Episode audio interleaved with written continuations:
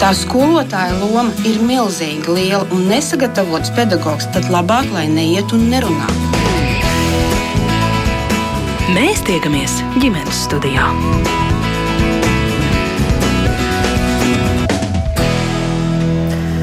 Labdien, priecājos sveicināt visus ģimenes studijas klausītājus. Mans vārds ir Agnese Linka, un šī raidījuma producente ir Ilza Zvaigzne. Pozitīvas attiecības ir pamats tam, ka bērns attīstās un mācās. Savukārt emocijas ietekmē to, kā bērns attīstās un mācās, un, protams, ka stress ir tas, kas šos eh, procesus eh, bremzē ne tikai bērniem, bet arī pieaugušajiem.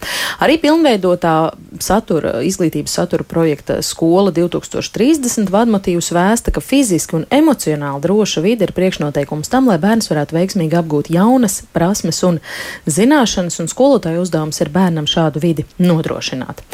Un ja pēdējo gadu laikā mēs esam pieredzējuši dažus nu, tādus kliedzošus atgadījumus un tiem sekojušas diskusijas, kas saistīti ar fizisku vardarbību izglītības iestādēs, tad neilgā laika posmā šobrīd uzklausot uh, vairākus vecākus stāstus, kuros saskatāmas uh, mūsuprāt pret bērnu izglītības iestādē vērstas emocionālas um, vardarbīgas izturēšanās pazīmes pazīmes. Mēs ģimenes studijā nolēmām aicināt uz sarunu arī par šo, jo, protams, um, kā zināms, visa veida vardarbība mīl klusumu, bet tāpēc, kuras nepaliek tie redzamie zilumi, vēl jau vairāk un biežāk šķiet tiek noklusēta. Un kā tad eh, rīkoties vecākiem, ja, piemēram, rodas aizdoms, ka pret manu bērnu izglītības iestādē iespējams ir vērsta emocionāli vardarbīga izturēšanās, par to tad arī saruna šodien ģimenes studijā. Un tās dalībnieces būs Valsts bērnu tiesību aizsardzības inspekcijas bērnu tiesību aizsardzības departamenta direktora Evīrā Cena. Labdien! Labdien!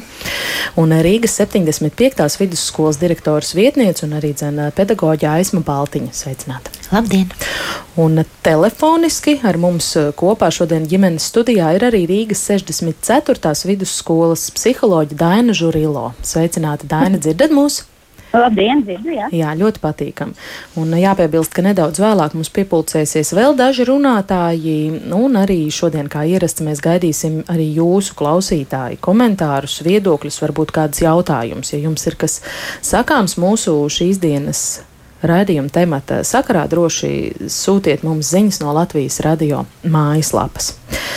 Tā tas ir, ka vairāk kārt gan šajā studijā, gan dažādās citās diskusijās eh, ir vienmēr ticis uzsvērts un minēts tas, ka uh, vardarbību un tieši emocionālo vardarbību visdažādākajās, ne tikai skolas vai, vai izglītības iestāžu vidē, bet visās dzīves situācijās mēs slikti atpazīstam un tai kā problēmai pievēršam maz uzmanības. Un tomēr šī emocionālā vardarbība arī eksistē, tā pastāv un iespējams tāpēc, ka noklusēta tā pastāv varbūt pat neapjaustos apmēros. Mm, vai jūs tam piekrītat un kā jūs redzat eh, šo situāciju no savu profesionālā skatu punkta tieši skolās? Es eh, lūkojos uz Eviju un tad arī jums eh, došu pirmajai vārdu. Jā, paldies. Tas, ko es gribu teikt, ka jā, pēdējā laikā mēs gan saņemam diezgan daudz iesniegumus, kas ir saistīti tieši ar tādu iespējamu emocionālu vardarbību. Jāsaka gan, ka emocionāla vardarbība ir visgrūtāk pierādāmais vardarbības veids, jā, jo nu, tā uzreiz nav tādu manāmu seku. Un katrs eh, gadījums, protams, ir vērtējams individuāli, jo katrs bērniņš ir savādāks. Mēs nezinām, kādas sekas tas atstāja uz bērnu. Vienam tā varbūt ir tāda ierasta lieta, eh, cits eh, varbūt pēc tam momentā uzreiz atsakās iet vai uz dārziņu vai uz skolu. Tā, kā, nu, tā robeža ir tāda ļoti, ļoti trausla un smalka, kur mēs varam noteikt, nu, kas tas īsti ir, vai tā, vai tā ir tā kā emocionāla vardarbība vai nav. Protams, pamatā mēs skatāmies pēc likuma prizmas, jā, jo likumā ir norādīts, ka ja tas, tā ir bērna pašcieņas aizskaršana, ja tas ir. Um, psiholoģiska ietekmēšana, tātad draudot viņam, lamājot, pazemojot vai kā citādi traucējot viņa emocionālajai attīstībai. Bet, kā jau es minēju, tas katrs gadījums ir jāvērtē individuāli. Mm. Aizma, kā jūs teiktu, kāda ir situācija skolās? Jūsu vērotajā izglītības vidē? Jā, paldies. Situācija skolās nav viennozīmīga. Tas ir noteikti. It sevišķi šobrīd, jo mēs būtībā cik gadus jau dzīvojam paaugstinātā stresa līmenī. Un tas, kas mani, mani vairāk uztrauc šobrīd, Cik lielā mērā mēs runājam par vardarbību emocionālu, un cik lielā mērā mēs runājam par nesapratni, par nogurumu, par nu, skolēnu šobrīd atgriežas no prombūtnes, divi gadi mājās. Um, mēs esam atraduši no kaut kādām prasībām. Nervozāka situācija ir ģimenē, nervozāka, varbūt pārgurušāka šobrīd esam mēs skolā. Un vai jebkurš um, es pat negribētu teikt, konflikts, tāda nesapratne, vai tā uzreiz būtu kvalificējama kā emocionāla vardarbība. Lai gan es neizslēdzu viņu pastāv. Jā. Mm. Viņa pastāv. Bet kā jūs redzat, teiksim, no sava pedagoģa skatu punkta, to ir tā iespējams, kā Evija teica, grūti ir, nu, grūti pateikt. Ļoti, ir ļoti grūti to ir noteikt. To ir tiešām ļoti grūti noteikt, jo pieredzē ir bijis gadījums, ka, teiksim, bērnam vienkārši nepatīk melnā krāsa, un skolotājai tā ir mīļākā apģērba krāsa, un, un, un, un tur pat nav konflikta. Vienkārši šim bērnam ir mazās klasītēs viņam ir emocionāli nepatīkami atrasties tās melnās skolotājas. Ja? Bet tur jau nav vardarbība, tu, bet bērnam ir nepatīkami. Ja? Un tad, tad nu, jārisina. Mm. Bet, grūti, ļoti grūti noteikti. Daina, vai jūs kā psihologs piekritīsiet, ka emocionālā vardarbība ir grūti nosakāma, grūti atpazīstama? Jā, es pilnā mērā piekrītu kolēģi runātajiem.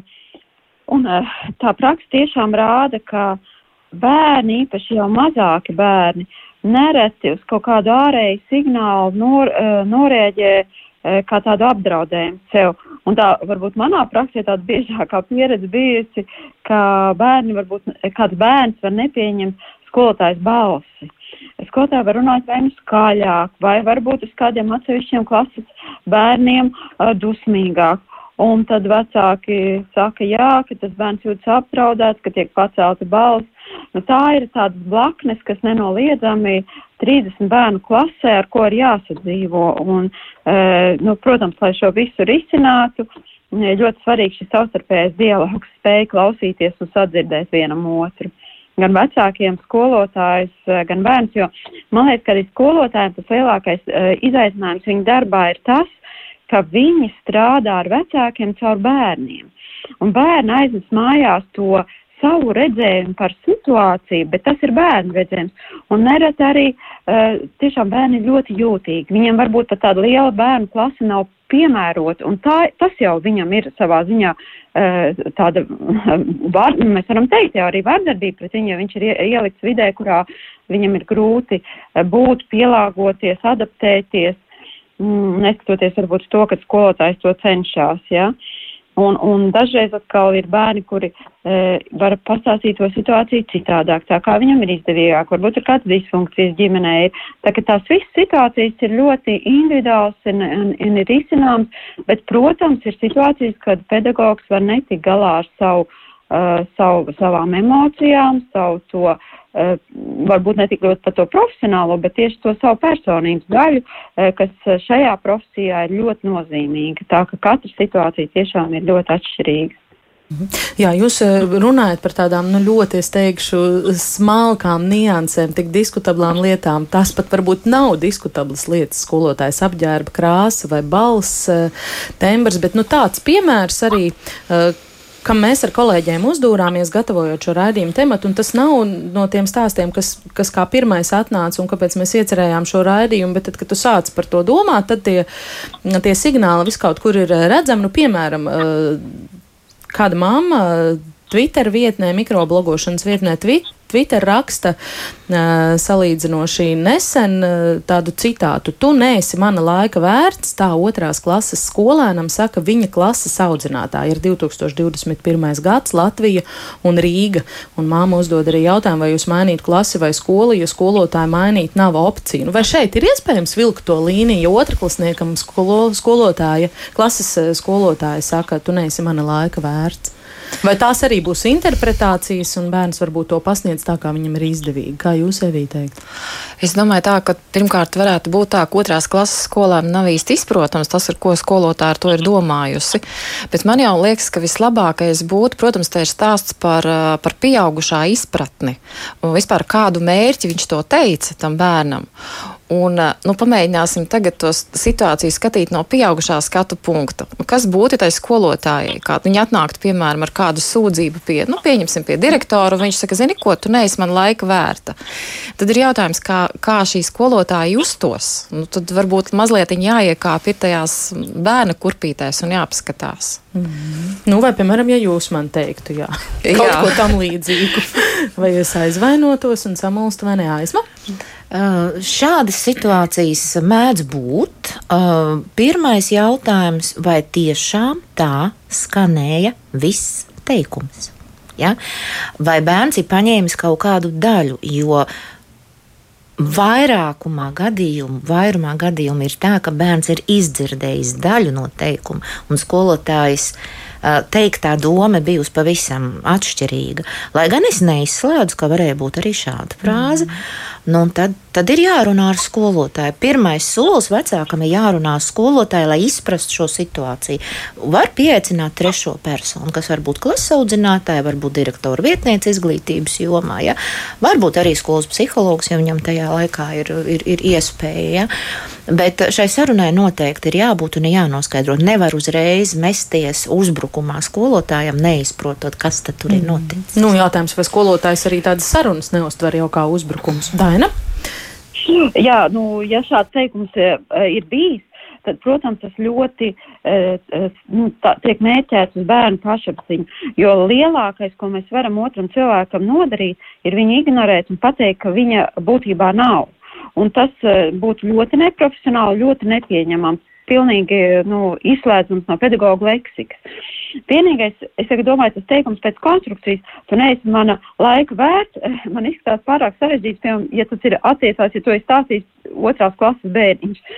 Un es piekrītu uh, skolas direktorai tam, ka Pirmais ir, ir vairāk soļi, kur vecākiem vienmēr iesaka, ko viņam vajadzētu darīt. Tātad pirmais solis ir griezties pie šīs skolotājas Ne ar uzbrukumu, vienkārši ar jautājumu. Skolotāji pastāstiet, man, tas, man mazais atnes mājās šādu teikumu, vai tā bija, ko jūs ar to domājāt, e, nu, kādā veidā viņš varbūt, nezinu, darīja kaut ko ne, ne tajā laikā vai, vai ne tajā vietā, kā vajadzēja, e, kā mēs to varam saprast mājās, vai mēs varam pārunāt ar to bērnu, lai tā saruna tiešām tāda vērsta nevis uzreiz ar uzbrukošu, ka, nu, kāpēc jūs tā, nu, vērtējuši tiesājuši, jo jo tiešām bērniņš varēja kaut kādā veidā to, to arī situāciju saprast citādāk. Ja gadījumā ar pedagogu šī saruna neveicās, un pedagogs ir noraidošs un, un, un vecāks jūt, ka, nu, varētu arī būt tā, ka viņš šāds teikums ir teicis, bet nejūtas par to atbildīgs vai, vai, vai nepieņem uh, kritiski, ka šāda, šāda rīcība nav bijusi pareiza, tad noteikti ir jāmeklē nākamie cilvēki skolā, uh, ar kuriem runāt par to. Un tā ir uh, gan atbalsta personāls, gan skolas vadība. Uh, un, un skolas vadība arī vienmēr iesaka sākt ar vietniekiem, un tad jau, tad jau iet arī tālāk pie direktora, ja nepieciešams. Uh, nu jā, tas būtu tādi soļi, ko es ieteiktu, kā rīkoties. Ja. Tagad es eh, piedāvāju paklausīties kādas eh, mammas rakstītajā. Viņa atsūtīja mums ģimenes studijai savu pieredzi e-pastā, un eh, lūk, viņas pieredze par notikušo un pārdomas paklausīsimies. Labdien! Vēlējos lūgt, lai kādā no raidījumiem izglītības speciālisti komentē šādu situāciju. Kādu dienu mans sākuma skolas vecuma bērns pārnācis no skolas pastāstīja, ka Kādā mācību stundā skolotāja vairākiem klases biedriem ir ņēmusi nost lapas, uz kurām viņi laikam jau garlaikojoties kaut ko zīmējuši. Skolotāja zīmējumus atņēmusi, saburzījusi un izsviedusi atkritumos. Pēc tam izrādījās, ka viens no tiem bijis mājas darbs citā priekšmetā, ko skolēni starpbrīdī no miskastes izvilkuši. Bērni šo stāstījuši citam pedagogam, kas teicis, Ja jau jūs stundā darāt blakus lietas, tad skolotājai ir tiesības šādi rīkoties. Mani šādas disciplinēšanas metodes pielietojums pārsteidza. Pārjautāju vēl dažiem klases vecākiem, vai viņu bērni tādu notikumu apstiprina, un izrādās jā. Tā tiešām esot bijis. Nolēmu sazināties ar kādu no skolas atbalsta personāla. Sociālais pedagogs nosūtīja pie skolas psiholoģis, kura situāciju komentēja Tas jau nav nekas traks, bērni rīkojās nepareizi. stundā darot blakus lietas, un mēs jau nemaz nezinām, vai tas tā tiešām bija un nav nekādu pierādījumu, lai apvainotu kolēģi un tā tālāk. Piekrītu, ka stundā nav jāpilda citu priekšmetu mājas darbi, un varbūt arī zīmēšana ir uzskatāma par pārkāpumu. Tomēr tas viss pārsteidza un lika aizdomāties, kāda tad ir patiesā situācija mūsu skolās, pat tajās, kur uz papīra strādā viss iespējamais atbalsta personāls. Vai tiešām ir normāli, ka skolas psihologs, dzirdot par ko tam līdzīgu, var teikt, ka tas nav nekas traks? Kāda ir izpratne par to, kas ir droša vide, kas ir pieņemams disciplinēšanas metodes, kas ir un kas nav vardarbība? Pēdējā laikā aizvien biežāk dzirdam, ka skolēni un pat skolēnu vecāki ir vardarbīgi pret skolotājiem. Bet kā ar otru pusi? kādas ir robežas tam, kā pedagogs drīkst izturēties pret bērniem. Kamēr neiesit ar lineālu kā vecos laikos, tikmēr viss cits ir atļauts. Gribu īpaši uzsvērt, ka šai reizē ir runa par otrās klases audzēkņiem. Manuprāt, pret tik maziem bērniem jebkurš pieaugušais taču atrodas varas pozīcijās. Kāds brīnums, ka viņi izaug līdz 7. un 8. klasē un izrādās vairs nerespektē pat adekvātus pieaugušos.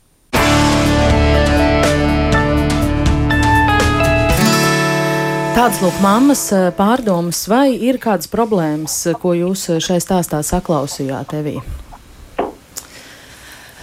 Vispār es sākumā gribētu teikt, par, manuprāt, tas liecina par diezgan neprofesionālu pedagoģu rīcību un atbalsta personāla rīcību, jo šādai situācijai nevajadzētu būt. Ja? Nu, arī tas, ko es jau minēju, ka nu, pamēģināsim iedomāties, kas notiktu ar pieaugušo, ja viņš ir strādājis pie kāda darba, ļoti centīgi kaut ko darījis, rakstījis vai zīmējis, un tad viņš atnes kādam profesoram to paskatīties, un viņš saka, ko tu esi nodarbojusies, ja, un, un saplēš to darbu un izmet laukā, vispār nenoskaidrojot, kāpēc ir tā vai savādāk. Ne, šajā gadījumā jau tās ir blakus lietas. Nu, es jau var, varētu jums tagad raut lapiņu ārā, ja jūs tur puķītis klausoties uz malas būtu sazīmējis, vai ne? nu, droši vien te ir atkal vērtējuma tā situācija, kurā tas notika, kāpēc tas tā notika. Tas bija kāds brīvais laiks, tad, tad kāpēc tas nenotiktu, kāpēc bērni kaut ko nezīmētu. Protams, ja tas notiek stundu laikā un tiek ignorēti uh, kaut kādi pedagoģu uzdevumi, un viņi nevis kaut ko rēķina un raksta, bet zīmē puķītes, tad, protams, tas ir atkal darbs ar, uh, ar, ar, ar skolēniem, un, un droši vien jāinformē vecāki. Un, un, protams, nu, te ir tāds savstarpējās nu, arī komunikācijas jautājums. Mm. Jā, bet, protams, mēs arī nu, nevaram izslēgt to, ka ir jāprasa bērnam droši vien tas viņa viedoklis. Nu, kāpēc tu neklausies, vai tu kaut ko nesaprati, ja, vai tev kaut kas, vai tev bija garlaicīgi, vai vēl. Es to visu spēju saprast, tas ir paņem laiku, tas ir laikietilpīgi, un katram pienāk nevar klāt un pajautāt. Bet, nu, droši vien tas ir jāvērtējums no tās situācijas, kas, kāpēc tieši tā notikās. Mm -hmm. Esmu jūsu mājā ar uh, galvu. Es, jā, galvu. es, es smaidu, emocijas. smaidu, smaidu, tā skumji smaidu, jo uh, pirmais, ko es sadzirdēju, ir bērnam bija garlaicīgi, un viņš nodarbojās ar blakus lietām. Un, ja otrās klases bērnam stundai garlaicīgi, un viņam ir laiks zīmēt, kā mēs te sākām smaidīt puķītes, ja, tad, tad mums ir jārunā par skolotāju profesionalitāti vadīt stundu, jo jebkurā gadījumā pastāv uzdevuma diferencēšana. Un, un tā kā mēs vērojam stundas, vēl no nu, manas jaunības laikiem ir skolotāji, kur iet klasē, un skolotāji, kur neiet klasē. Kā to saprast? Ir skolotāji, kas ieiet un staigā pa rindām runājot, un tad ir tie, kas stāv visu laiku priekšā kā pieminekļi. Un, ja tas skolotājs iet klasē, viņš būtu pamanījis šo puķīti, un viņam pilnīgi pietiktu pirkstiņu piedurties grāmatā vai burtnīcē vai tajā vietiņā, ko mēs darām, un bērnu uzmanība būtu atpakaļ. Tie paņēmieni pedagoģiski, metodiski ir ļoti, ļoti daudz saburzīt bērna darbu, bērna acu priekšā, citu klases biedru priekšā. Šī, šī bija vardarbība psiholoģiski. Jā, to ne nedrīkstēja pieļaut. Mēs varējām noņemt nost. Ja pedagogs ir redzējis, piefiksējis, paņemt nost un pateikt, pienāciet, lūdzu, starpbrīdī, Jānīt, Pēterīt, Miķelīt, pienāciet pie manis, mēs parunāsim. Un tad varēja būt kāpēc, un tad varēja pazvanīt mammai, un, un, un tad varēja risināt šo jautājumu tālāk. Bet šī saburzīšana es absolūti Mm. Piekrītu, nu, tā bija. Un atkritumu kastē. Jā, nu jā, un, un bērni pēc tam izvēl ārā. Jā, nu skaisti, nu skaisti. Jā. Mm, Daina, kas bez kolēģi teiktā jums vēl varbūt būtu akcentējums šai stāstā vai kāds padoms arī kā rīkoties vecākiem? Nu, tikai, bez tā, bez, bez jau, bez jau izstāstītā laiku taupot. Jā, tikai varu pievienoties, ko kolēģi teica. Es piekrītu, ka uh, pedagogam ir kaut kādas bijušas nopietnas problēmas ar uh, metodēm. Kāpēc bērniem garlaicīgi stundā maziem bērniņiem? Viņi gatavi aizrauties, viņi ļoti zinātkāri un zinkārīgi. Un, un pat ja viņi kaut ko dara citu un zīmē, zīmē tās savas puķītes, tas jau savā ziņā pat ir apsveicami, ja, ka viņi savā aizņem savu laiku un nodarbina, ja. Plēst cita cilvēka kaut kādus darbiņus vai lietas, tas ir ļoti atkal pazemojoši, pilnīgi nepieņemami. Jā, šobrīd mūsu sarunai eh, pievienojas telefoniski arī izglītības kvalitātes valsts dienesta uzraudzības departamenta direktora vietnieks Maksims Platonovs. Labdien, Maksim! Labdien! Uh, jūs dzirdējāt arī mammas eh, kā, vēstulē teikto, kas ir tas, par ko jūs domājāt, ko, ko jums varbūt šķistu svarīgi piebilst, un vai jūs saņemat iesniegumus arī par šāda veida problemātiku? Nu, neviens uh, nav sists, nevienam nav varbūt uh, kaut kāds milzīgs kaitējums nodarīts, bet vai šāds gadījums arī ir saistāms ar mācību saturu un izglītības kvalitāti? Es droši vien piekritīšu visam, uh, visam iepriekš runātāju teiktiem. Un proti, eh, neaizmirsīsim, ka jebkura pedagoga pienākums, viens no pienākumiem profesionālās ētikas normu ievērošana, droši vien eh, šāda rīcība, ko jūs raksturojāt, un īsti pedagogu, par pedagogu to labāko neliecina. Uh, to otru jautājumu atbildot par kvalitātes dienestu saņemtiem iesniegumiem, jāteic, ka pēdējos, no visiem pēdējos divos gados uh, kvalitātes dienestu saņemtiem iesniegumiem Tātad 2021. vidēji 15%, 2020. vidēji 22% attiecās uz iespējamo pedagoģu pienākumu nepildīšanu, to starp arī šo profesionālo ētikas normu neievērošanu, kā arī iespējamo pedagoģu vardarbību pret uh, skolēniem. Jāteic, ka visos gadījumos, kur nu, nepārprotami mūsuprāt tie pirmšķietami secinājumi bija par iespējamu vardarbību pret, pret skolēniem, uh, Mēs tad attiecīgi pārsūtījām kolēģiem no valsts bērnu tiesību aizsardzības institūcijas vai valsts policijai. Runājot par uh, iespējamu pedagoģu pienākumu nepildīšanu, tad uh, šādi, šādi apgalvojumi iesniegumu apstiprinājās, iesniegumos norādīja apgalvojumi apstiprinājās uh, vidēji ap, ap 50%, uh, un uh, uh, citos gadījumos vai nu neapstiprinājās, vai nu mēs vienkārši sniedzām skaidrojumu iesniedzējiem par iespējamo turpmāko rīcību. To starp arī par izglītības jomu regulēšanu un aktu ievērošanu. Nu, kā jau te kolēģis iepriekš eh, teica, pierādīt kaut kādas tādas lietas ir grūti, ja ne neiespējami. Tas ļoti diskutabli, par ko viens uh, jūtas aizskarts vai tiešām ir traumēts, otram tas kā pīlē ūdens. Kā jūsu gadījumā tad notiek tā iesnieguma, kā jūs teicāt, 50% gadījumā apstiprinās kaut kāda neprofesionāla rīcība? Kā notiek tā izvērtēšana no jūsu puses? Nu jā, nu, ja kurš saņemot jebkuru sūdzību, protams, mēs iepazīstamies ar to saturu, tajā ietver to informāciju, un tad, principā, lemjam, lemjam vai nu tad doties klātienē, Un arī mums tās metodas ļoti dažādas, kā varbūt klātienes vizītes skolā, nu, ja, piemēram, ir par mācību saturu jautājums, tad, tad mēs bieži vien izvēlamies piedot, vērot kādā, piedalīties kādā mācību stundā, vērot pedagogu darbībā, ja tā var izteikties. Ir gadījumi, kad mēs uh, pieņemam lēmumu, uh, runājam vai nu ar bērniem, vai nu tas notiek, piemēram, anketēšanas veidā, ne jau konkrēti bērnu, bet, bet piemēram, klasi, klasi kādu, vai ne. Uh, tad attiecīgi izdarām secinājumus. Neatņemu pārbaudas sastāvdaļa vienmēr ir iestādes vadītāja viedokļu uzklausīšana, jo galu galā tā ir iestādes galva, kas arī atbild par visu iestādē notiekošo. To starp arī ir atbildīgs par šo procesu deleģēšanu un pāraudzīšanu. Un nepieciešamības gadījumā arī iesaistam dibinātājs. Nu, visbiežāk šobrīd tās ir pašvaldību, izglītības pārvaldes, izglītības speciālisti. Attiecīgi tad apkopojot šo visu informāciju, Tad nu nonākam pie tā secinājuma, vai ir pamats eh, sūdzībā norādītiem apgalvojumam, vai tomēr nav, vai mēs tā kā nesaskatām. Un, un šeit jāteic, ka nu, vienmēr uh, iesniedzējiem ir tīkams tas viedoklis, ka, nu, kā saka, ka dienas neko nav atklājis, bet, nu, kā mēs vienmēr esam teikuši, mēs esam pa vidu starp šo iesniedzēju un nu, konkrēto skolu. Mums nav, nav jau jāpierāda tā, kā nav. Ja, ja protams, pierādījums tiek gūts, arī seko tālāk rīcība. Nu, visbiežāk tas ir uzdotais, tā saucamais kas skolai tikai jānovērš un uh, kā mēs pēc tam arī uh, nu, pāraugam, kā tā, kā tā novēršana notikusi. Ir. Ar kādu nostāju, starp citu, jūs skolās sakāt, ejiet arī šeit klātienē? Kādu vispār to nostāju saskaraties, piemēram, cik, cik ieinteresēta parasti pēc būtības risināt tādas lietas ir iestāžu vadība? Vai tas ir tīri cilvēciskais faktors atkarīgs no katra konkrētā direktora un viņa komandas? Un tā, uzreiz gribētu teikt, ka tas ir ļoti uh, jāsaista ar katras iestādes vadītāju, ļoti dažādi vadītāji, ļoti dažādi pieredze. Nu, droši vien arī, uh, tāpat kā iesniedzējiem, arī, arī iestāžu vadītājiem ir, kā saka, tādas labākas dienas, sliktākas dienas. Bet um, mēs vienmēr esam rosinājuši un joprojām rosinu, ka jautājumi jārisina iestādes iekšēnē, ko viņi var atrisināt iestādes iekšēnē, tad sākot uh, no, no, no skolotājiem, beidzot ar iestādes vadītājiem. Iestādes vadītājs, kā saka, visiem neizdodas atrast, nu tad pie dibinātājiem. Tikai tā, tā tālāk jāvēršās valsts iestādēs. Ir. Jo uh, mēs jau tāpat to informāciju baudīsim skolā, tātad mēs jau arī runāsim ar iestādi.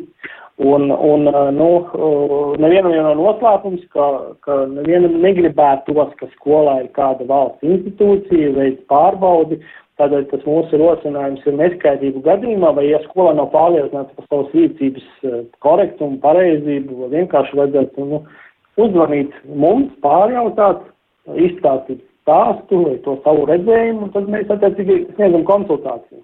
Gan, tas attiecās gan uz vecākiem, gan arī uz, uz uh, iestāžu vadītājiem. Tas ir tas, ko mēs gribētu sākumā teikt, ka ne jau iesniegums atrisinās to situāciju, bet sākumā elementāras sarunas, savstarpējā komunikācija, kas, diemžēl, šobrīd pietrūkst mūsu prātā.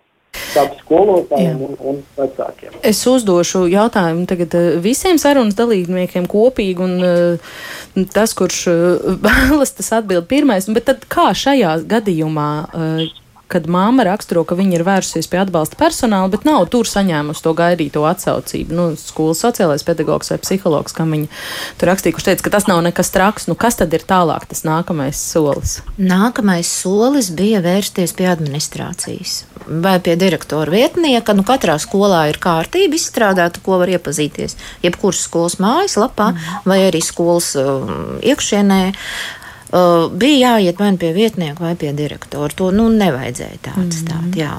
Tas, un, un, un tālāk atkal ir, ir savi algoritmi, kā tas strādā.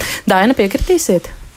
Jā, es noteikti piekritīšu pilnā mērā, bet eh, tas, ko es iepriekš nepiebildu, es arī domāju, ka atbalsta personāla rīcība nebija profesionāla. Pirmkārt, sociālam pedagogam nekādā veidā nevajadzēja pārsūtīt tālāk pie, ja vecāks ir atradis viņu, uh, viņu nevajadzēja pārsūtīt pie psihologa. Viņš pats varēja uh, uzklausīt vecāku, iet noskaidrot situāciju un tad pieņemt to lēmumu, kā tad bija jā, jārīkojas un kas tur ir noticis un visām pusēm izskaidrot un, uh, un saprast, kā tālāk dzīvot. Tā kā tur, tur varēja apturēt, jo no vienas puses tā situācija varbūt nav nemaz tik ļoti, e, nu, teiksim, ļoti nopietni traumējoša, bet no otras puses tā ir satraucoša un par to bija jāizrunā jau tajā līmenī, kādā griezās vecāki. Evija, vai jums no savas puses vēl ir kas piebilstams, vai jūs varat arī varbūt īsi pakomentēt, cik lielā mērā eh, jūsu pārstāvētā iestāde valsts bērnu tiesība aizsardzības inspekcija rīkojas eh, līdzīgi šādos gadījumos kā izglītības kvalitātes valsts dienests? Mēs rīkojamies jā, ļoti līdzīgi. Mēs arī tieši tāpat saņemot uh, iesniegumu izvērtējumu, mēs veicam aptauju, runājam ar bērniem, uh, runājam ar vecākiem, runājam ar, pedagogu, ar skolu, un tad arī izvērtējam, vai ir, vai ir, tā, vai ir nepieciešams uzsākt, piemēram, administratīvo lietvedību, ja tas ir jau kāds nopietnāks gadījums par iespējamu emocionālu vardarbību. Mm. Tā kā mēs rīkojamies stipri līdzīgi. Jā. Mm. Es atgādināšu, ka ģimenes studijā mēs šodien runājam par to, kas tad ir atzīstama par emocionāli vardarbīgu izturēšanos un kā rīkoties vecākiem vecākiem, ja viņiem šķiet, ka bērns ko tādu ir piedzīvojis no mm, kāda pieaugušā dažādās izpausmēs izglītības iestādēs, un šīs sarunas dalībnieki ir Valsts bērnu tiesība aizsardzības inspekcijas bērnu tiesība aizsardzības departamenta direktora Revija Rācena, Rīgas 75. vidusskolas direktors vietniece un pedagoģa Aisma Baltiņa, Rīgas 64. vidusskolas psiholoģa Daina Žurilo, un pagaidām ar mums kopā joprojām ir arī vēl Maksims Platonovs no izglītības kvalitātes valsts dienesta. Kāda klausītāja mums raksta? Manai meitai bērnu dārzā skolotāja cits starpā saka, ja tu raudāsi, es sūtīšu uz mazo grupiņu. Tas ir ar domu, ka raud tikai mazie bērni. Meitai ir trīs gadi. Manuprāt, pedagogi un personāls kopumā ir jāizglīto par emocionālo vardarbību, jo, kad es mēģināju ar skolotāju runāt, radās priekšstats, ka šāds kontrolas metodas šķiet normāls. Saģērt 20 bērnus ir ļoti grūti, tāpēc viņi tiek kaunināti, ka viņi ir mazi, ja prasa palīdzību un sanāk, ka tā vietā, lai risinātu problēmu pārāk daudz bērnu grupā, skolotāji izliek savu nepatiku uz um, bērniem. Jā, starp citu, gatavojoties šim raidījumam, es atradu arī tādu aprakstu kādam pētījumam, ka, lai novērtētu, kāda ir mazu bērnu psihoemocionālā labsajūta, 2018. gada nogalē piecās Eiropas Savienības valstīs, tā skaitā Latvijas pirmskolas izglītības iestādēs veikta izpēta, un tajā secināts, ka Latvijā ir viena no lielākajām riska grupām, apmēram 32% bērnu psihosociālā labsajūta ir zemā līmenī. Un uh, izpēta arī uzrādīja negatīvu tendenci, ka pedagoģi bērnu psihosociālo labsajūtu pārsvarā saist ar vecākiem un uh, ģimeni. Tātad par to, kā bērni jūtās šajā gadījumā pirms skolās, pedagogi uzskata, ir atbildīgi vecāki, nevis viņu profesionālā darbība. Šo visu es stāstu un lasu šobrīd tāpēc, ka tagad mūsu sarunai pievienosies vēl kāda mamma. Nu, saprotam, iemeslu dēļ viņa nevēlējās tikt nosaukta vārdā, un, lai būtu godīgi, arī izglītības iestādi mēs nenosauksim pirmsskolas nosaukumu, taču arī šis stāsts ilustrēs mūsu šodienas sarunas tematu. Paklausīsimies māmas teiktajā. Un bija tā, ka es eh, izņēmu savu bērnu no dārziņa, viņš izgāja uh, emocionāli. Un es viņam prasīju, nu, kas tad notika. Viņš teica, ka viņam nepatīk audzinātāji, ka viņam slikts garstāvoklis, un uh, viņš negrib ļoti runāt par to. Es domāju, nu labi, vakarā, kad mēs apsēdamies, viņš sāk pats kaut ko zīmēt, un es viņam tad prasu, nu, kas tad tur notika. Viņš saka, man uh, zīmējums sašveikoja skolotāju. Nu kā, nu kā sašveikoja? Nu parādi man, tu tagad zīmē, parādi, ko tu uzzīmēji un parādi, kā viņi sašveikoja viņu. Nu, es domāju, nu mazums viņi tur debesis kaut kāds uzzīmēja, ko viņš negribēja. Viņš uzzīmēja zīmējumu un beigās paņēma melno zīmumu un vienkārši visu zīmējumu sašveikoja. Un es skatos, nu, patiešām tā bija. Viņš saka, jā, es saku, nu, kāpēc? Viņa teica, ka tev nesmuks sanāca. Un viņš saka, bet tas neko. Manam draugam vienkārši viņa paņēma un saplēsa to zīmējumu. Nu, protams, man kā mamma tas baigi izbrīnīja. Mums bija kaut kas līdzīgs, kad viņam bija trīs gadi, kā arī bija zīmējums, vajadzēja izkrāsot. Viņš arī raudāja. Es saku, kas notika. Beigās sapratu, ka ar to krāsošanu kaut kas bija. To skolotāja pateica, ka ko jūs te švīkojat, arī nepareizi. Nu, lieta tāda, ka no tā brīža viņš gandrīz gadu man neko nav izkrāsojis. Viņš negribēja neko, ko es piedāvāju. Un pēc tam kaut kur pēc gada es skatījos, ka viņš kaut ko sāka. Bet nu, tieši trijos gados es redzēju, ka bija problēma. Bet bija doma kaut ko jautāt audzinātājai vai teikt? Man bija doma, bet es vienkārši atceros divas iepriekšējas reizes, kad es zvanījos un runājos tā īsumā man arī izaudzināja kā bērnu. Pateica, ka, nu, protams, ko jūs gribat? Jūs bērni pat nevar uh, zīmolu rokās turēt. Un es sapratu, ka, nu, vai es nemāku pareizi izskaidrot, vai cilvēks negrib dzirdēt. Tad nebija varianta, teiksim, te es vairāk ar bērnu savējo strādāju un skatījos, nu, kā reaģēt uz to. Nu, viņš man pats prasīja, kāpēc viņi tā izdarīja. Nu, es viņam izstāstīju, ka, nu, zinu, nu, varbūt viņi gribēja redzēt vienu, tu uzzīmēji citu, bet tas nenozīmē, ka tas bija slikts. Ir tādas gleznas, kuru nekats var saprast. Nu, parādīja kaut kāds gleznas, tāds abstrakts, nu, kaut kā tā. Uzskatīt, ka ar bērnu ir vērtīgāk aprunāties un e, izrunāt par skolotāju, diemžēl nesanāk. Tomēr mums tur bija arī par pasākumiem, vairākas sarunas ar viņu ir kaut kāds pasākums, mēs tā gatavojamies, bērns baigi viņu gaida, un beigās iziet uh, audzināties, viņam prasa, un zina, pati tāda, nu, kā jums gāja? Viņi skatās, mēs sakām, drausmīgi, drausmīgi. Man nekas nepatika. Man pilnīgi mutu vaļā. Nu, Pagājušajā gadā bija daudz labāk. Viņi visu izstāstīja. Šogad tā kā viņi degradēja visu. Es nezinu, viņai ir pilnīgi tā nopietna tā sagatavošana skolē, ka viņi tagad netiek tajā tempā un viņi streso. Tāds ir, ka tas ir viņas atzīmes kaut kāds. Un es domāju, ka viņai tā apmācība ir daudz svarīgāka nekā emocionāls bet es arī kaut kur viņu varu saprast. Tagad uz šo brīdi viņiem ir pēc saraksta 28 bērni, bet tas ir tikai tāpēc, ka iet eh, bērndārza remonts un apvienoja divas kopā grupas. Un vajadzētu būt divām audzinātājām un divām auklītēm, bet viena audzinātāja saslima. Sanāk, viena audzinātāja uz 28 bērniem. Protams, ka viņa teica, ka nu, smagi viņam tagad smagāk nekā parasti iet. Viņa gads līdz pensē. 28 bērni, 5 dienas non-stopā. Viņa emocionāli neko nevar arī dot. Viņa zina, kā viņus mācīja tur, nezinu, 30, 40 gadus atpakaļ, un tur bija tā. Un neko jaunu, es domāju, ka viņai nav spēka un nav vēlēšana citas pieejas mācīties.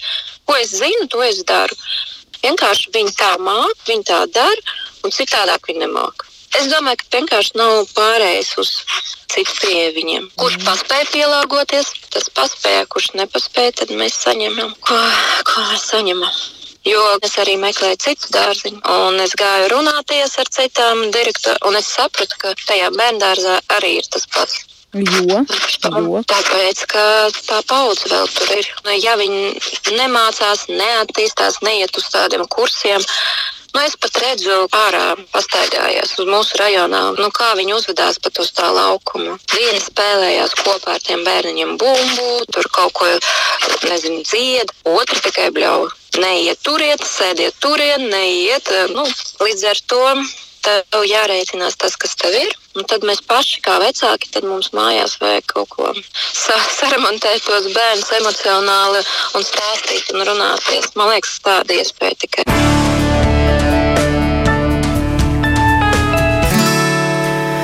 Tāds lūk, vēl viens mammas stāsts. Ne no tiem eh, saulainākajiem, laikam, eh, jāatzīst. Eh, šobrīd es došu vārdu, un mums telefoniski arī pie radījuma ģimenes studiju tāluņa pievienojas arī skola 2030 ekspertē par pirmsskolas jautājumiem Liene Rolandā. Labdien, ģimenes studijā, Liene!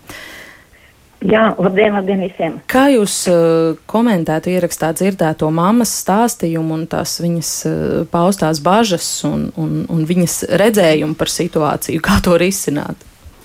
Jā, nu, šāda attieksme pārsvītrot bērnu darbu un, un iejaukties bērna darbu un darbos nekad nav bijusi pieņemama, ne tikai tagad ar pilnveidoto saturu un pieeju. Pat pilnveidotajā saturā mēs runājam arī par to, ka bērnam jāzina vērtēšanas kritēriji pirms uzsākt darbu, rosinām skolotājiem tos veidot kopā ar bērniem. Bērnam ir, nu, kā jūs visi laik arī runājat, ir šī drošā vide, tā, kā skolā, tā arī pirmsskolā, kur viņš var aktīvi darboties un arī darot, mācoties kļūdīties, kas ir viens no būtiskākām lietām, sevišķi pirmsskolā. Es mēģinu, bet man nesanāk, un es vingrinos, un man tam ir laiks, lai man sanāktu. Līdz ar to tad. Skolotāja uzdevums ir sadarbībā ar vecākiem atbalstīt bērnu šo te mācīšanos un sniegt atgriezenisko saiti, lai bērns var šīs prasmes attīstīt. Jā. Nu, tā, tā ir tā cieņpilnā attieksme vienam pret otru. Skolotājiem droši vien ir nepieciešama, kā jau jūs runājat, ar profesionālā pilnveida par to, kā bērns mācās. Un, protams, ka mēs varam runāt arī šeit, ka bērnu ir daudz grupā un skolotājs ir iz, nu, teikt, iz, izdedzis, ja, bet uh, tas nebūtu, uh, nu, uh, nav pieņemams šādas te metodas. Ir, ir jā, jā, jādomā kopā ar vadību, kā mēs risināsim un kā mēs strādāsim, lai arī skolotājs, nu, nenonāktu šādā situācijā, kad, nu, kad viņi, viņ, viņš vairs nu, nevar pieņemt citas metodas un dara tā, kā viņš, kāda viņam ir bijusi pieredze, kā viņš to ir piedzīvojis. Bet kā jūs ieteiktu rīkoties vecākiem, saskaroties ar šādām situācijām un šādu pieredzi? Bērns atnāk mājās bēdīgs, un tad vārds pa vārdam izkristalizējās tā situācija. Protams, no bērna viedokļa, ko mammai darīt? Eh, es, to, ko es sadzirdēju no mammas, viņa jau ir mēģinājusi sarunāties ar skolotāju un sapratusi, ka tur nebūs tā teikt atsaucība. Tad droši vien es dotos pie vadības un runātu par šo situāciju. Uh, un, un, un, nu, ja arī šeit vadība nekādi nemaina šo te, proces, nu, šo te situāciju, tad droši vien es teiktu, ka tiešām jāmaina ir bērndārs, lai, jo tas pirmskolas vecums, kā mēs zinām, ir pats būtiskākais, visi pamati, ja, un ja viņš, nu, ir sociāli emocionālā nav šī drošība, tad tālāk arī tā mācīšanās būs traucēta kā skolā, tā nu, visā dzīvē. Nu jā, bet māma jau teica, ka viņi ir apsvērusi tās citas eh, pirmsskolas, un viņas novērojumi ir tādi, ka nu, līdzīga attieksme var gadīties arī visur citur. Tas iespējas man liekas, ka vecāki bieži arī neko nedara, jo šādās situācijās nevēlas riskēt, ka tā konkrētā pedagoģa attieksme pret bērnu vēl varētu pasliktināties, saprotot, ka lūk, šī ir tā māmiņa nemiera cēlāja, kas iet tur pie uh, psihologa, sociopedagoga vai bērnu dārza gadījumā iet pie bērnu dārza vadītājas varbūt. Nu, tas taču ir ļoti riskanti. Jūs tam nepiekrītat? Es domāju, ka svarīgāks ir bērns un, un bērnu pašsajūta, un līdz ar to, tad ir, domājot par bērnu, ir jāmeklē tas ceļš. Nu, nav tā, ka vi, visās pirmskolās ir tāda situācija. Noteikti nav. Es zinu ļoti labs daudz, daudz kas ir liela pieredze, kas strādā, kā, kā teica, kad ar, ar, ar bērniem tur darbojās mumbu un viss pārējās mācās. Ja? Līdz ar to, tad, nu, šeit ir nu, nopietni jāpadomā un jāatrod tas labākais risinājums, jāmeklē tā labākā izglītības iestāde, ja, ja, lai, lai mainītu šo vidi. Varbūt, eh, Maksim, jūs arī vēl varētu nokomentēt no sava izglītības kvalitātes valsts dienesta skatu punkta perspektīvas, eh, kāds padoms vecākiem, kā rīkoties šajā situācijā. Atkal zīmējumi, atkal miskastē. Jā, nu mēs jau vienu reizi vien esam aktualizējam šo jautājumu par pedagoģu profesionālo kompetenci, to starp arī viņa pienākumu to pilnveidot, ko nosaka likums. Es gan daļēji piekritīšu savai, savai kolēģiem no valsts ilgtības satura centra, ka viena lieta mainīt izglītības iestādi tam droši vien jā, jo visticamāk šajā iestādē, ja nemainīsies konkrētais skolotājs, nu tā situācija nebūs tik, tik daudzsološa, bet es neaicinātu par to klusēt šis jautājums noteikti ir jāaktualizē, un tiešām, ja mamma ne, nejūtās saklausīta konkrētai iestādē, vēlreiz uzsvēršu, bez iestādes ir arī iestādes dibinātājs, nu, mēs šeit nevaram viennozīmīgi saprast, vai tā, tā ir pašvaldība, vai tā ir uh, privātais izglītības iestāde, izglītības iestāde, ja. Tad uh, nākamā iestādē esam, uh, nu, droši vien arī mēs, kuri var šo jautājumu skatīt, kas tur ir bijis un, un noticis un cik tālu ir kas ir darīts lietas labā, teiksim tā. Maksims, starp citu, jā, par, par uh, iestāžu dibinātājiem runājot, Ieva mums ir atrakstījusi arī tādu ļoti skeptisku komentāru. Varbūt jūs varat nokomentēt. Viņa raksta, ka ausis sāp no visu, ko dzirdu, bet realitāte ir tāda, ka izglītības pārvalde vienmēr ir uh, uz vienu roku ar iestāžu direktoriem. Visi atzīst, nu jā, ir emocionālā vardarbība, bet uh, mamīt jums jāpaciešas līdz šī gada beigām, mums nav kas strādā. Mēs nomainījām skolu, bet pedagogs turpina ierasto praksi un neviens no atbildīgajiem nav centušies pasargāt eh, bērnus, tā rakstīja. Nē, nu tā mēs noteikti nevaram piekrist. Es domāju, arī klātesošai kolēģi piekritīs manis teiktiem, ka ar to noteikti nav jāsamierinās. Un arguments, ka nav iestāžu skolotāju, tas, tas neiztur kritiku. Uh, Manuprāt, tad, ja, ja tiešām vecāks nejūtās saklausīts skolā, tad vietā, ja savā pašvaldībā nevar atrisināt to situāciju, nu, tad noteikti ir uh, vēršanās tālāk, tālāk tā tās ir valsts iestādes, kas arī noteikti prasīs ko, savai kompetenci atbilstošas jautājumus, to starp atbildību arī no dibinātājs. Starp citu, izglītības likumā šobrīd jau ir noteikta, ja pastiprinātā izglītības iestādes dibinātāja atbildība par iestādē notiekošo. Tā kā No dibinātāja puses arī nav tālredzīgi šādi apgalvojumi, nu, ka tagad, kā saka, viss paliek tā kā ir, tikai pacietieties. Nē, nē, nē, ši, šim noteikti nevar piekrist, tas nav, nav tā atstājums. Jā, Gunta mums arī raksta, ka viņai šķiet dīvains aicinājums meklēt citu dārziņu, jo kas tad būs ar tiem bērniem palicējiem, kas viņiem būs jāturpina paciest. Liena, varbūt vēl par šo repliku no jums? Ne, nu, es saprotu, ka skolotā, ar skolotāju nav izdevies uh, saruna. Nu, iespējams, ka var doties uz vadību vai tā kā teicu, dibi, pie dibinātāja, bet jebkurā gadījumā bērns jau dzīvo šodien tagad un viņš iet šo bērnu dārzu. Līdz ar to, tad, nu, ja ne, nevar gūt šo atbalstu no, no izglītības iestādes, tad, tad ko darīt ar to bērnu vai ar tiem bērniem? Tur ir, nu, es saku, tur vajadzīga, protams, skolotāja profesionālā pilnveida un viss pārējais. Bet, nu, manuprāt, ka šeit bērns ir pats būtiskākais. Nu, kad, ja, ja mēs nevaram atrisināt, tad, nu, tad ir jāmeklē ceļi. Kā, kā palīdzēt bērnam. Bet, bet kas notiek, teiksim, ja tādas uh, pašvaldības pirmsskolas, un tas nav noslēpums, ka pašvaldības pirmsskolās ir vissmagākā situācija ar pedagoģu trūkumu, ja pirmsskolas vadītājs pasaka, jā, man nav, man nav ko likt, kas tur strādā. Kas tālāk? Viņš atbild šādi: Man mammai, es sēžu pie viņa kabinetā, piemēram, un, un es reāli saprotu to, ka tā ir patiesība, ko viņš man saka. Kur man tālāk uh, skriet? Tas ir uh, zemteksts, mamīt, jums jāpaciešas. Ja drīkst, nu tas. Jā, jā, lūdzu. Jā,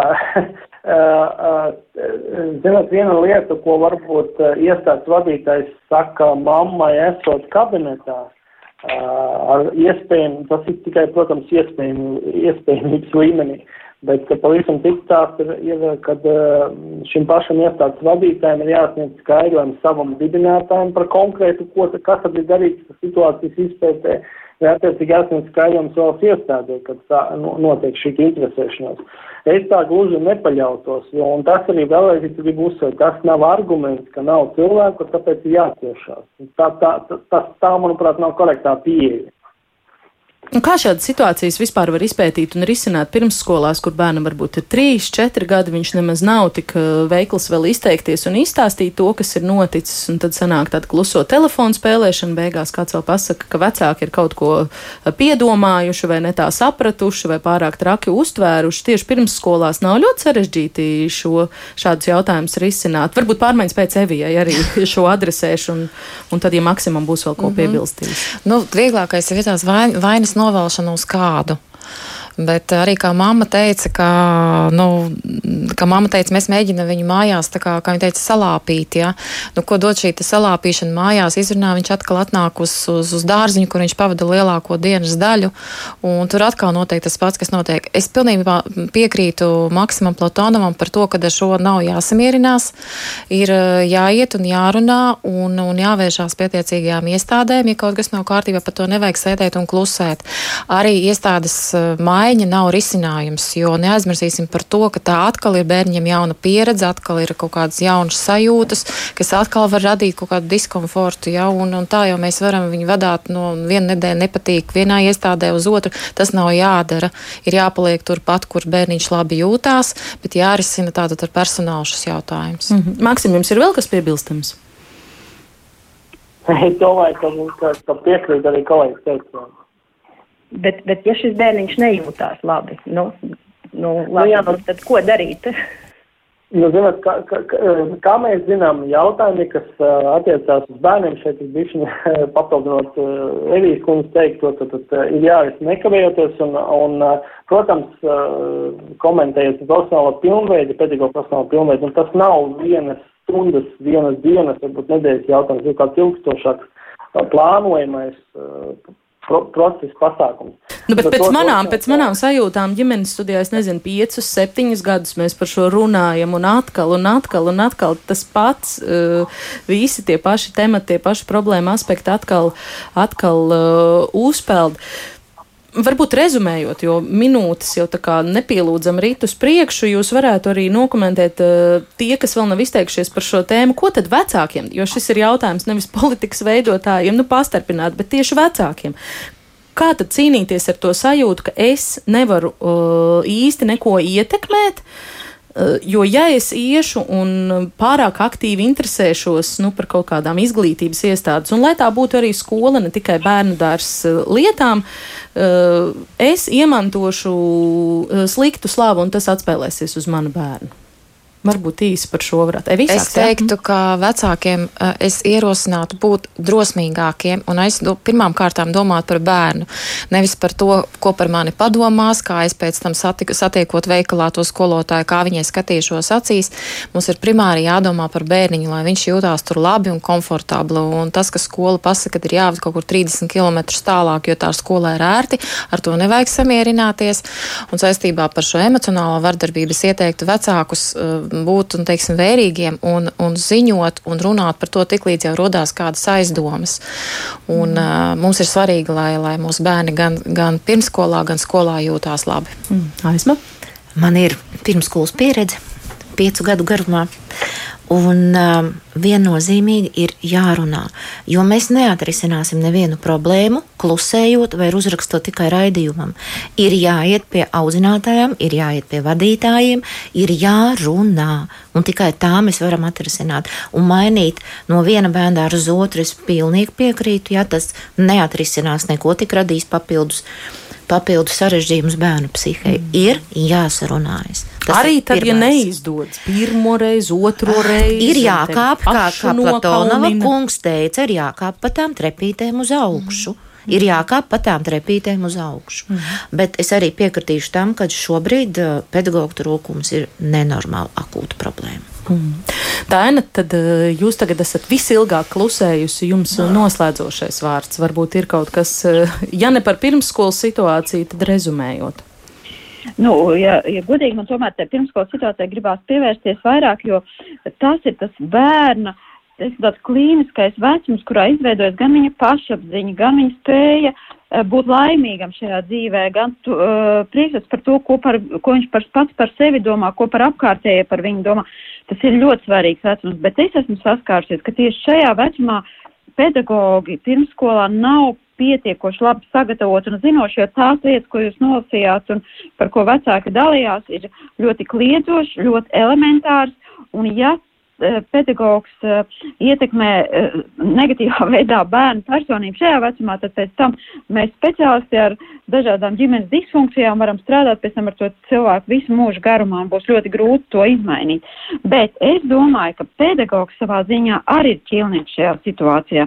Viņiem ir pārāk liels slodzes, viņiem pārāk daudz bērnu grupā, un tā jau arī savā ziņā ir vārdarbība pret viņiem, lai viņi nopelnītu to iztiku, lai viņi varētu pabarot savus bērnus, viņi ir ielikt šādā situācijā, un es domāju, ka mēs varēsim vēl ļoti ilgi runāt par to, ja netiks risināt eh, tādā augstākā līmenī tieši eh, šī darba apjoms, un tad arī, ja tas tiks atrisināt, es esmu pārliecināta, ka tur ne, viens ļaunprātīgi nestrādā, bet viņi ir izdeguši un viņi netiek ar šo situāciju galā, jo savā ziņā tā arī ir vardarbība pret šo pedagogu, ja viņam jāstrādā tādos apstākļos.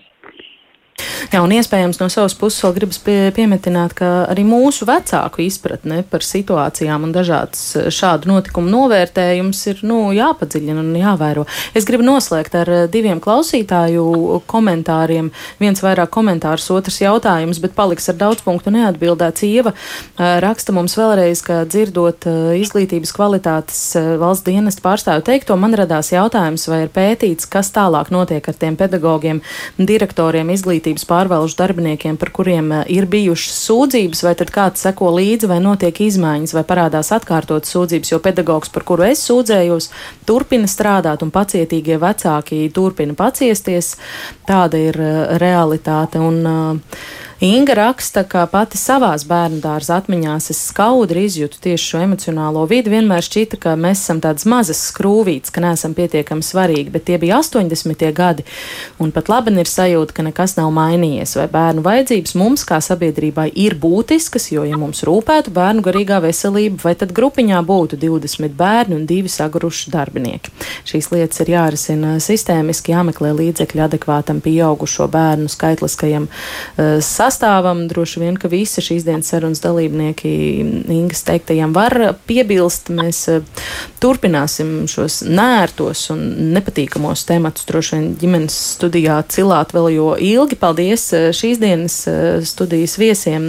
Evīra Ācena, Aisma Baltiņa bija šeit klātienē un telefoniski ar mums kopā bija Daina Žurilo, arī Maksims Platonovs un Liene Rolanda. Paldies visiem sarunas dalībniekiem. Ģimenes studiju šodien šodien veidoja Ilza Zvaigzne, Agnese Linka un pie skaņu pults Rīta Karnača, bet rīt ģimenes studijā mēs runāsim par to, kāda tad ir mazulim droša guļvieta, kas ir tas, kas viņu šajā mm, situācijā apdraud, kādi aksesuāri šobrīd ļoti mm, modīgi, nemaz, nemaz nav laba ideja. To klausieties rīt no diviem līdz trījiem ģimenes studijā, klausieties mūs arī podkāstos un kā vienmēr vienmēr sekojiet eh, ģimenes studijai sociālos tīklos, eh, Facebook un Instagram. Mēs tiekamies arī tur un uz sadzirdēšanos. Paldies!